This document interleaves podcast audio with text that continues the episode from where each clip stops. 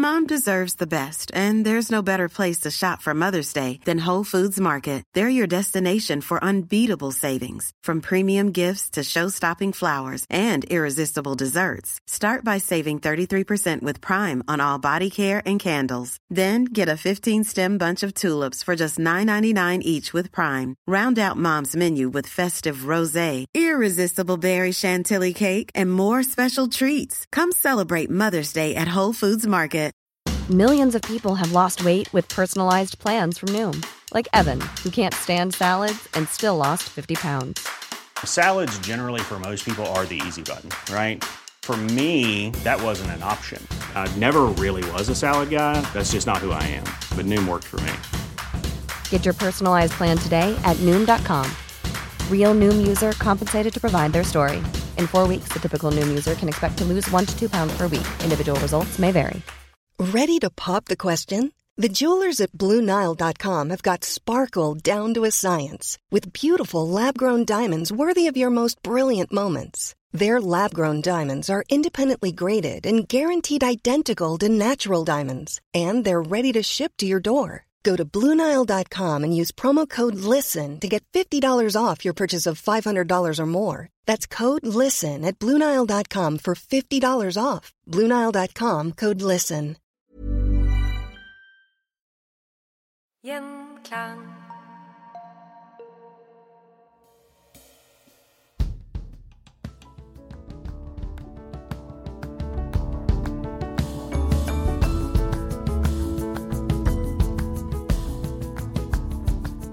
Velkommen til Historier som endret Norge. I disse dager er det 30 år siden OL på Lillehammer. Og for å fortelle oss om lekene, så har vi denne uken besøk av Magnus Helgerud.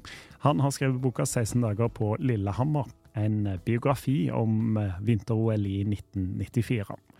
Vi har ute en episode om hvordan lekene havna på Lillehammer, og dramatikken som utspilte seg før åpningsseremonien.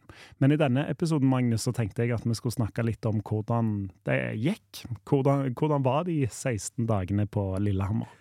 Ja, altså For å ta det siste først. Eh, rett etter avslutningsseremonien så sa kulturminister Åse Kleveland at vi har nå fått realisert et nytt bilde av oss selv som nasjon. Så så bra gikk de lekene, kan man si. Men ja, fra, fra spøk til halvveis alvor. Altså, det, det var en idrettsfest og en folkefest som Norge aldri hadde sett maken til, og aldri kommer til å se maken til eh, igjen. Og det var ikke bare vi nordmenn som var, syntes dette var fantastisk. Det var eh, mye internasjonal presse til stede, eh, og de hva kan man si Åse Kleveland sa nok også de ordene litt fordi hun så hvilken mottagelse lekene fikk der ute i verden. En av de folkene jeg følger gjennom OL i boka mi, var en spaltist i Miami Herald som het Dave Barry. Eller kåsør er vel egentlig mer treffende å kalle han. Han rapporterte fra lekene med et ganske herlig skråblikk, og jeg syns han oppsummerte lekene på en veldig, veldig morsom måte, hvor han skrev hjem da, fra Lillehammer til Miami. Og han sa at jeg mener blant annet at nordmenn bør ta over verden. For det første er det flere som snakker engelsk her enn i Miami. For det andre er dere utrolig høflige, hyggelige og dyktige. Vi hadde fått forespeilet at nordmenn var et trist og traurig folkeferd, men slik er det ikke. Dere bør få alle atombombene og styre verden fra nå av. Der har du nytt bilde av deg selv som nasjon. Og selv som nasjon. Ja. Ja. Ja, det, altså det, den nasjonalromantikken blomstrer jo under disse 16 dagene, Ja. og det er jo eh, mye på grunn av at det er en haug med utlendinger som skryter uhemma av oss. Og du har jo mange eksempler i, i boka om utenlandsk presse da, som eh, det er en sånn fi, fin avrunding i, i hvert kapittel du har som er delt inn i Dag for dag, hvor det òg står litt om, om avis, eh, eh, avisklipp, Mm. rett og slett, så du får et inntrykk av dette her, da, hvordan folk oppfatter det. Det er, eh, jeg syns det er et godt eh, tidsvitne å bare rett og slett sitere direkte fra avisene og la de håper jeg, å si, være morsomme på, på egen hånd. Da. Det, det, det særeste jeg, overskriften jeg kom over, tror jeg var 'OL-sex med vett gjør kloakken tett'. Det var jo sånn at Look hadde delt ut sånn 20 000 poser med gratis kondomer til utøvere, frivillige, publikum og alt mulig. Og de ble jo brukt, de kondomene her. Det var bare at folk spylte de ned i dass. Og da måtte de som jobba på renseanlegget, rykke ut i lokalavisa og si hei, hei, hei. Det er bra at dere feirer eh, norske gull, men ikke hiv disse OL-kondomene i do. Så det, det, tror jeg er noe av det særeste jeg, kom over.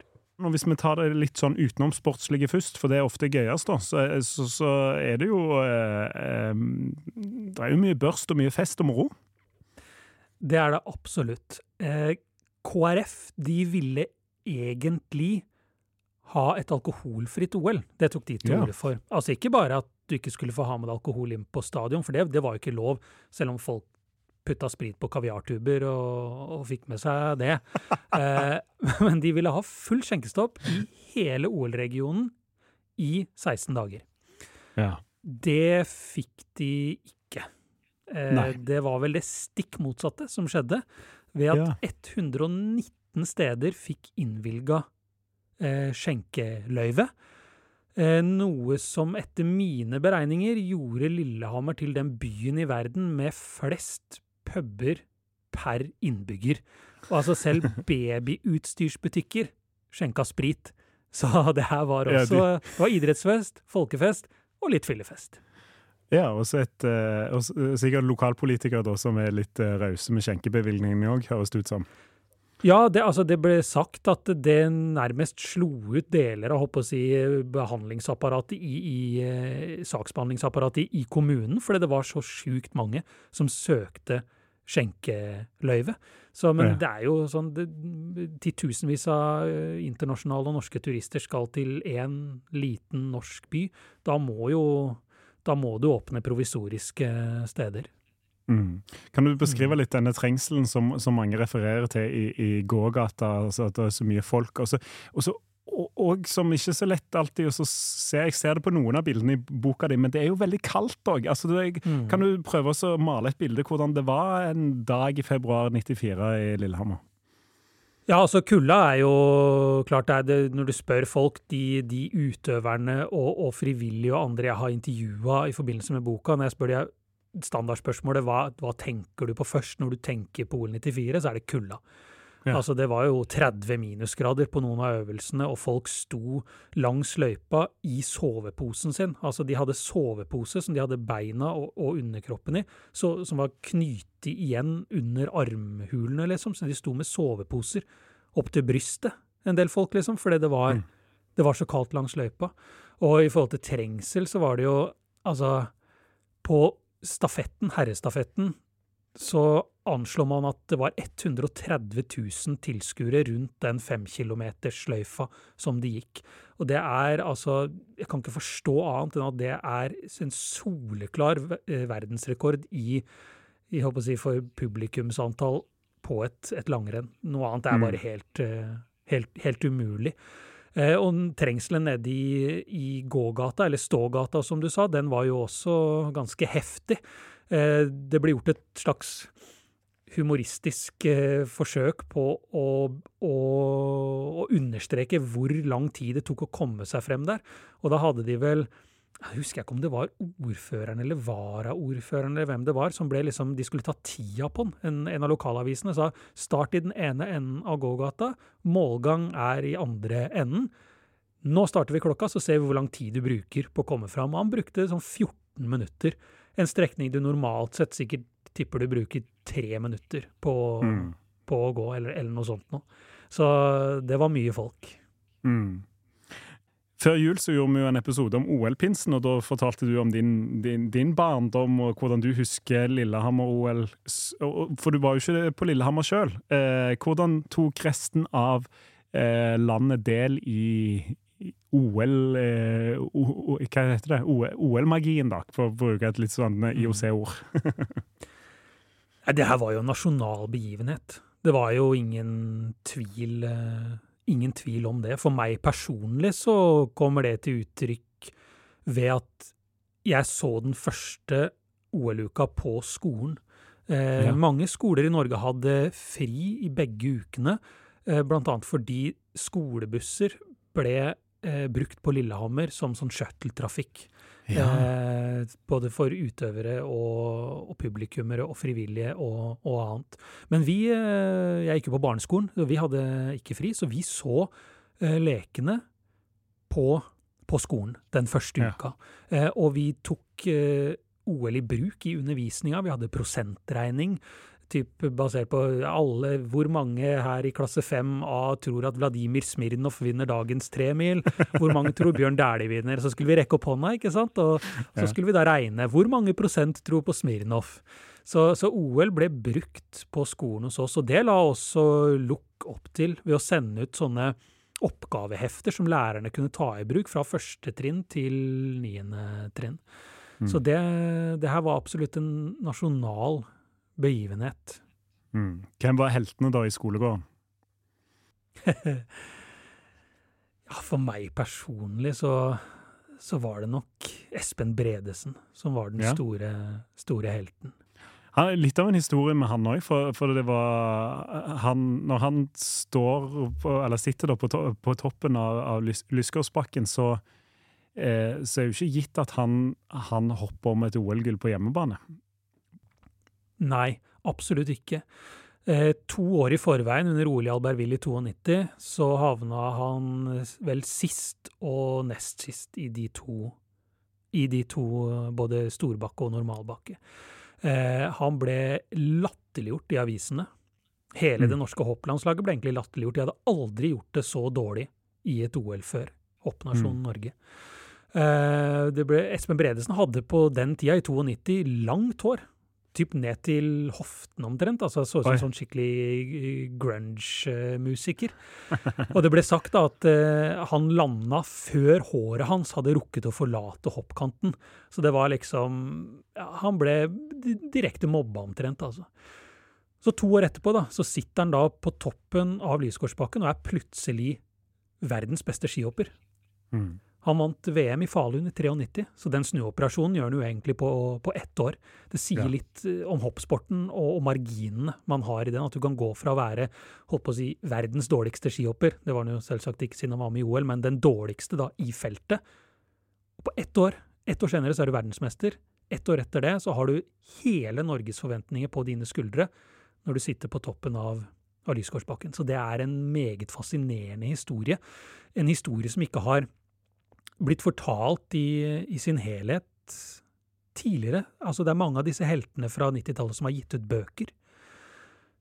Ikke kommet noen bok om Espen Bredesen, så det var, var veldig stas å få snakke med han og høre hele historien hans. Da. Det er en historie som handler om om å skape og bygge lagånd i en individuell idrett, eh, blant annet, Mm. som er meget fascinerende.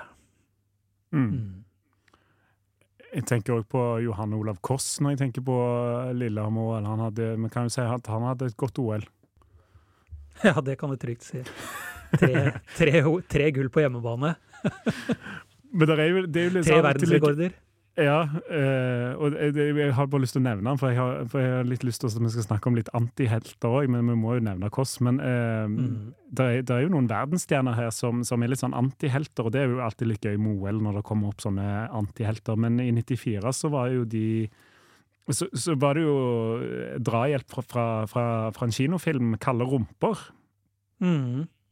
Det var jo absolutt også en av mine si, helter i den forstand, fordi før, rett før jul i 1993 så ble jo den filmen om det sjamaikanske boblaget sluppet på kino. En Disney-film som handler om Jamaikas vei til OL i Calgary i 1988.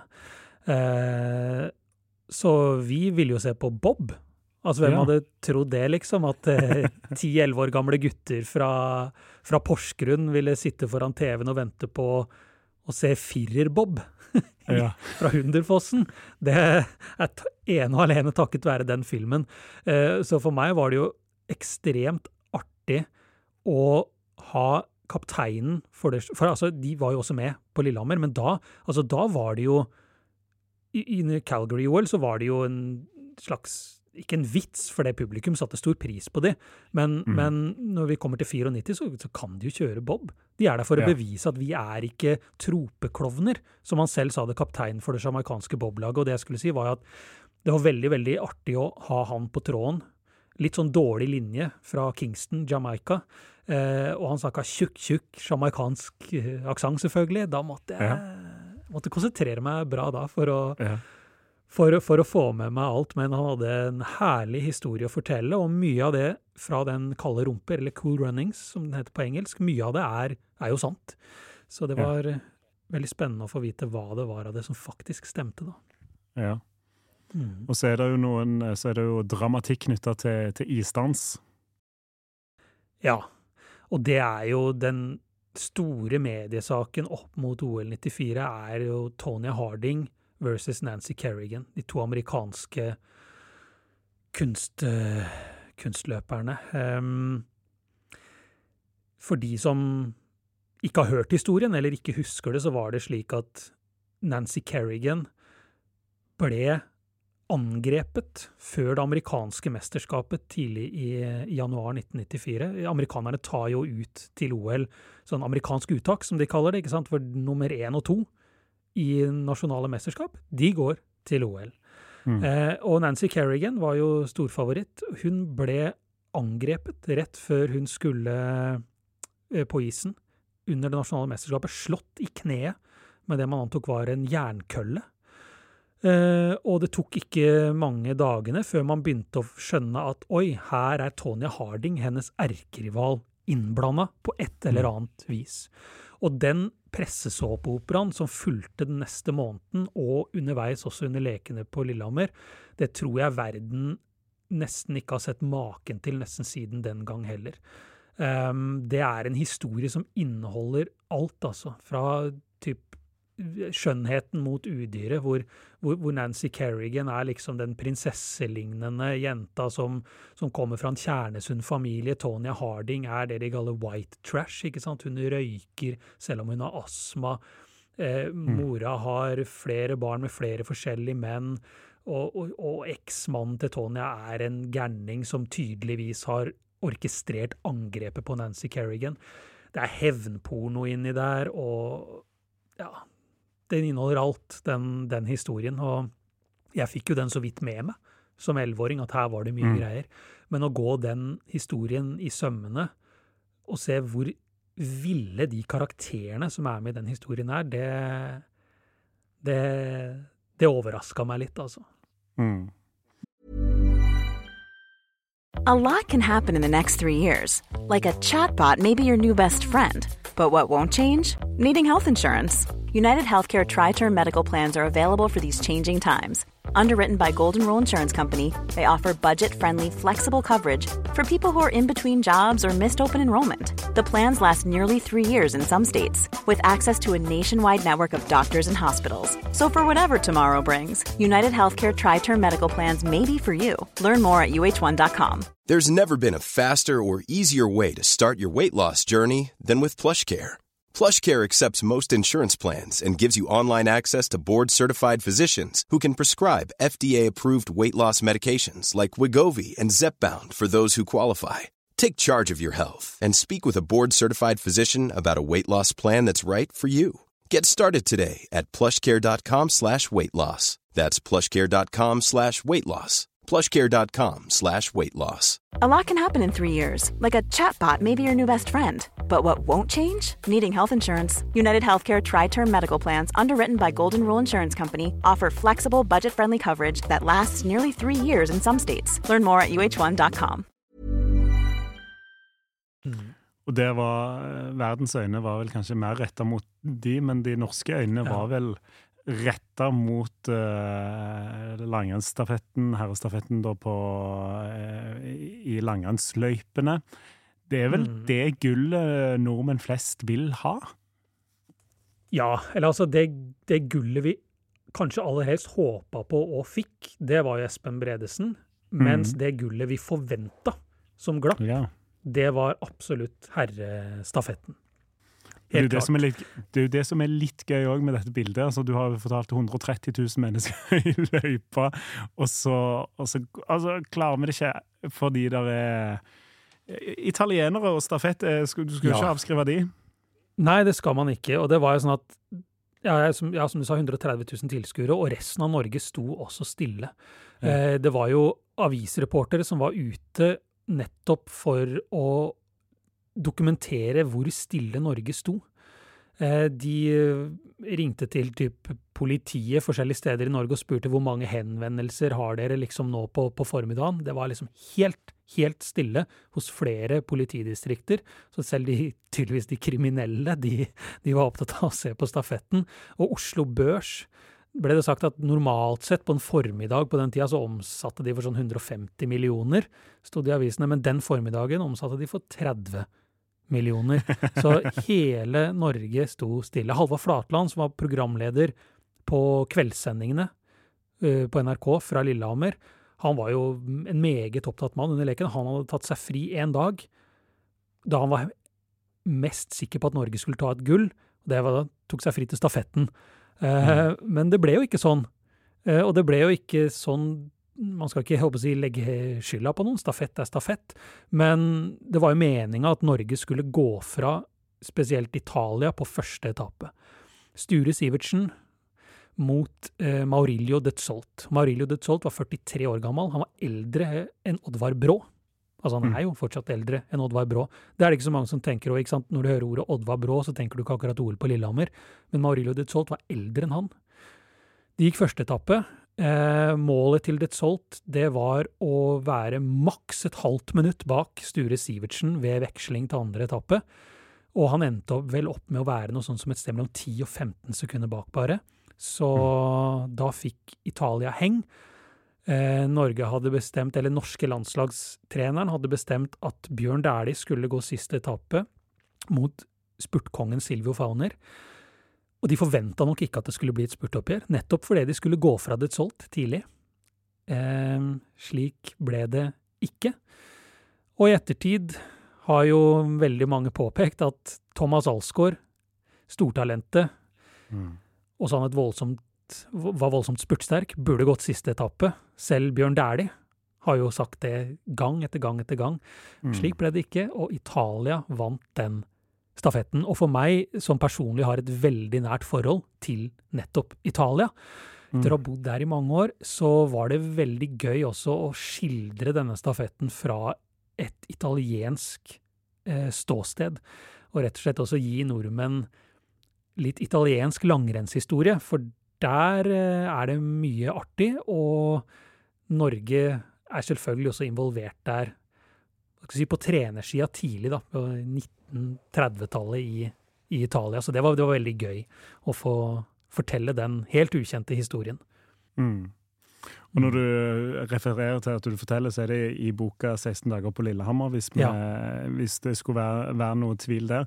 Men jeg har litt lyst til å eh, s- òg om svenskene, som òg får, mm. får sin revansj. da. Vi har jo lært at de, de, de var ikke bare besvikne, men forbanna når de ikke fikk eh, OL i, Ja. i både 88, 92 og, og 94, da. Eh, men det gjeveste for svenskene er jo hockey, og det avslutter jo leken òg. Mm.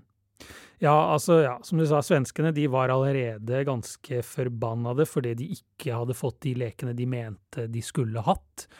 Um, og i tillegg så var det jo slik at det Altså, det Pressen på den tida man, Det snakkes mye om kommentarfelt i dag, og hets i kommentarfelt, men på den tida så var det jo sånn at pressen selv, de hetsa jo svenskene så det holdt.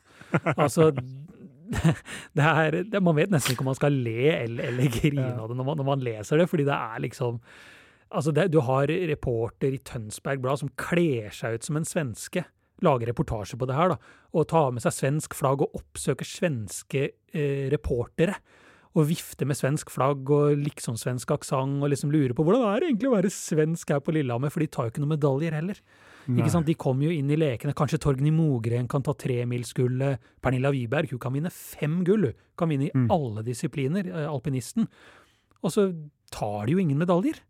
Nei. Til slutt så Altså, Torgny Mogren flopper jo fullstendig på tremila. Han er sjuk, viser det seg. Og norske aviser de ler seg i hjel altså, over at ha-ha-ha, vi tok OL, og dere tar ingen medaljer.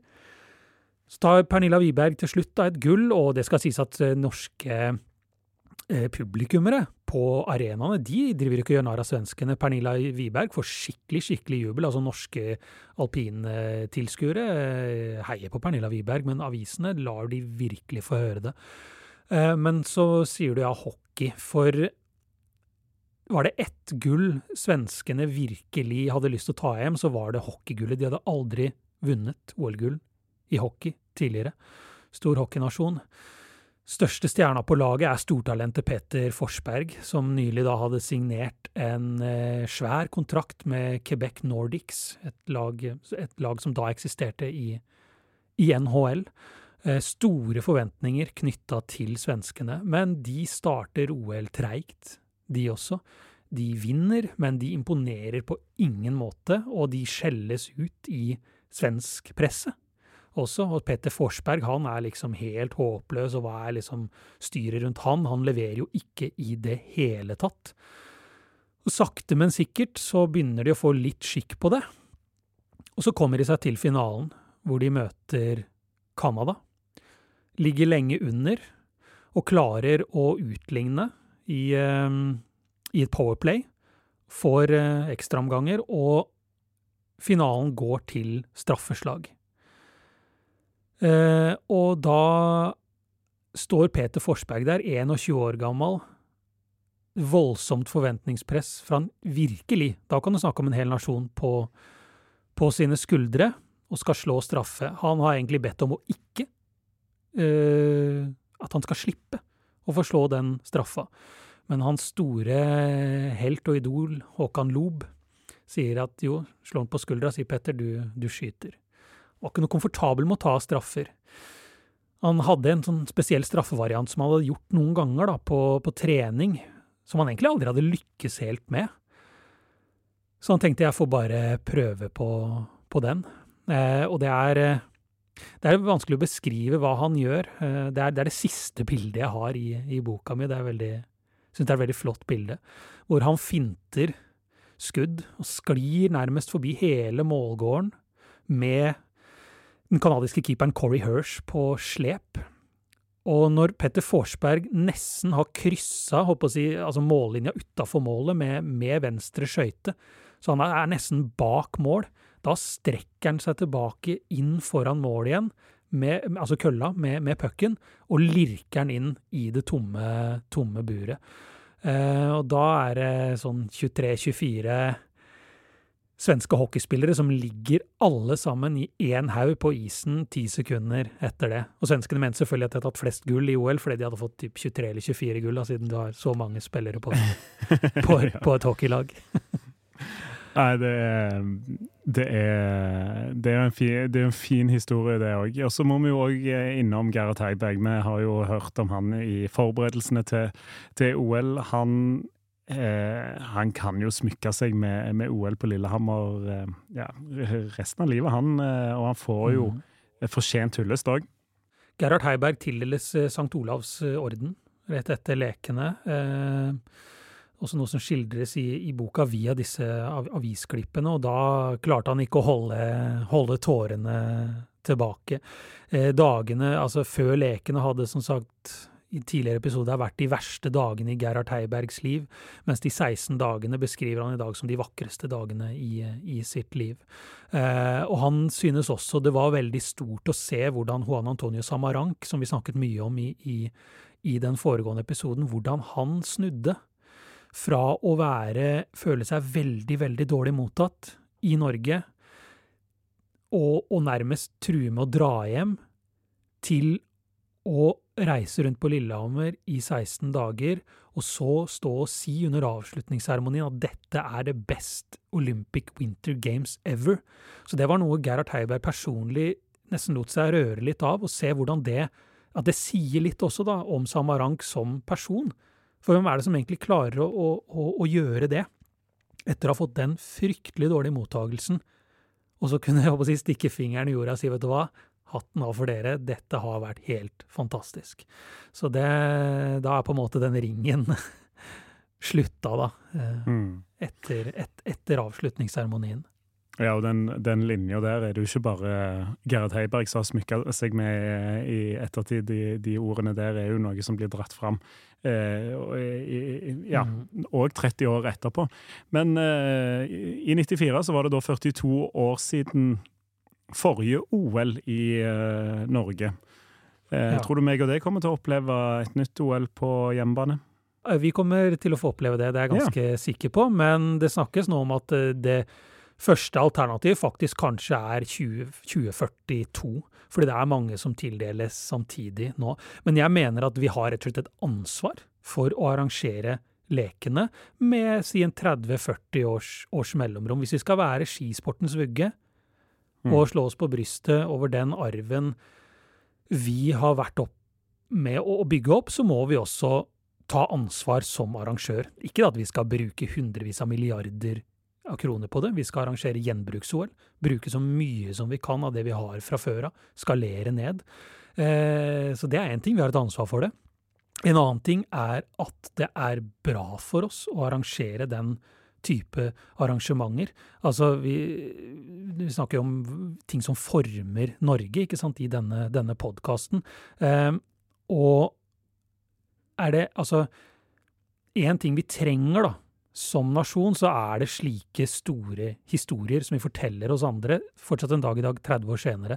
En statsviter, eh, for å bli litt sånn halvakademisk, som heter Benedict Anderson, snakket om det som på engelsk kaller imagined communities, eller forestilte fellesskap. Han sier at en nasjonalstat så vil det aldri være slik at alle kan kjenne alle personlig. Vi er altfor mange mennesker, og da er det veldig viktig at vi kan forestille oss at vi har noe til felles. Eh, og en veldig slag... Eller hva skal vi si En veldig tydelig måte å føle fellesskap på er gjennom slike store historier som det et vinter-OL er. Det er en nasjonal begivenhet. Noe vi alle kan komme sammen om. Så i en tid da, med politisk polarisering så tror jeg at slike arrangementer Selvfølgelig, det, altså det, det, kan også splitte folk, for det er mange som ikke har lyst til å bruke penger på det, men det, det så vi på Lillehammer, at det var veldig mange som var mot det her i åra før. Også lokalt på Lillehammer. Stor motstand. 40% var negativt innstilt et år før lekene. Men når man først er i gang og gjennomfører det, så står man sammen om det, og da blir det en, en sånn stor historie som vi kan fortelle hverandre gjennom gjennom mange, mange år. Så mm. ja, vi har ansvar for å arrangere det igjen. Det er bra for oss å arrangere det. Kom et ja. lite saksinnlegg. ja, men det, det, har vi plass til historier Historie som endret Norge. Takk, for, takk ja. for, det, og takk for at du forteller eh, i podkasten om de 16 dagene på Lillehammer-boka. Den er ute nå, og hvis du som hører på har lyst til å fordype deg mer, og jeg må bare si, se, se veldig fine bilder og få havne havner lett og effektivt inn i nostalgien, så, så, gjør du det i denne boka. 16 dager på Lillehammer. Magnus Helgerud, takk for at du tok deg tid til Historier som endret Norge.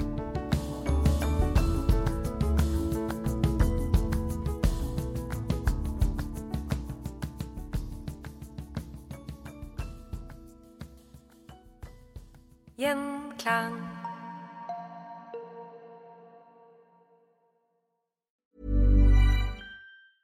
Mom deserves the best, and there's no better place to shop for Mother's Day than Whole Foods Market. They're your destination for unbeatable savings, from premium gifts to show-stopping flowers and irresistible desserts. Start by saving 33% with Prime on all body care and candles. Then get a 15-stem bunch of tulips for just $9.99 each with Prime. Round out Mom's menu with festive rosé, irresistible berry chantilly cake, and more special treats. Come celebrate Mother's Day at Whole Foods Market. Normally, being a little extra can be a bit much, but when it comes to healthcare, it pays to be extra And United Healthcare makes it easy with Health Protector Guard fixed indemnity insurance plans. Underwritten by Golden Rule Insurance Company, they supplement your primary plan, helping you manage out of pocket costs without the usual requirements and restrictions like deductibles and enrollment periods. So when it comes to covering your medical bills, you can feel good about being a little extra. Visit uh1.com to find the Health Protector Guard plan for you. Cool fact a crocodile can't stick out its tongue. Also, you can get health insurance for a month or just under a year in some states. United Healthcare short term insurance plans, underwritten by Golden Rule Insurance Company, offer flexible, budget friendly coverage for you. Learn more at uh1.com.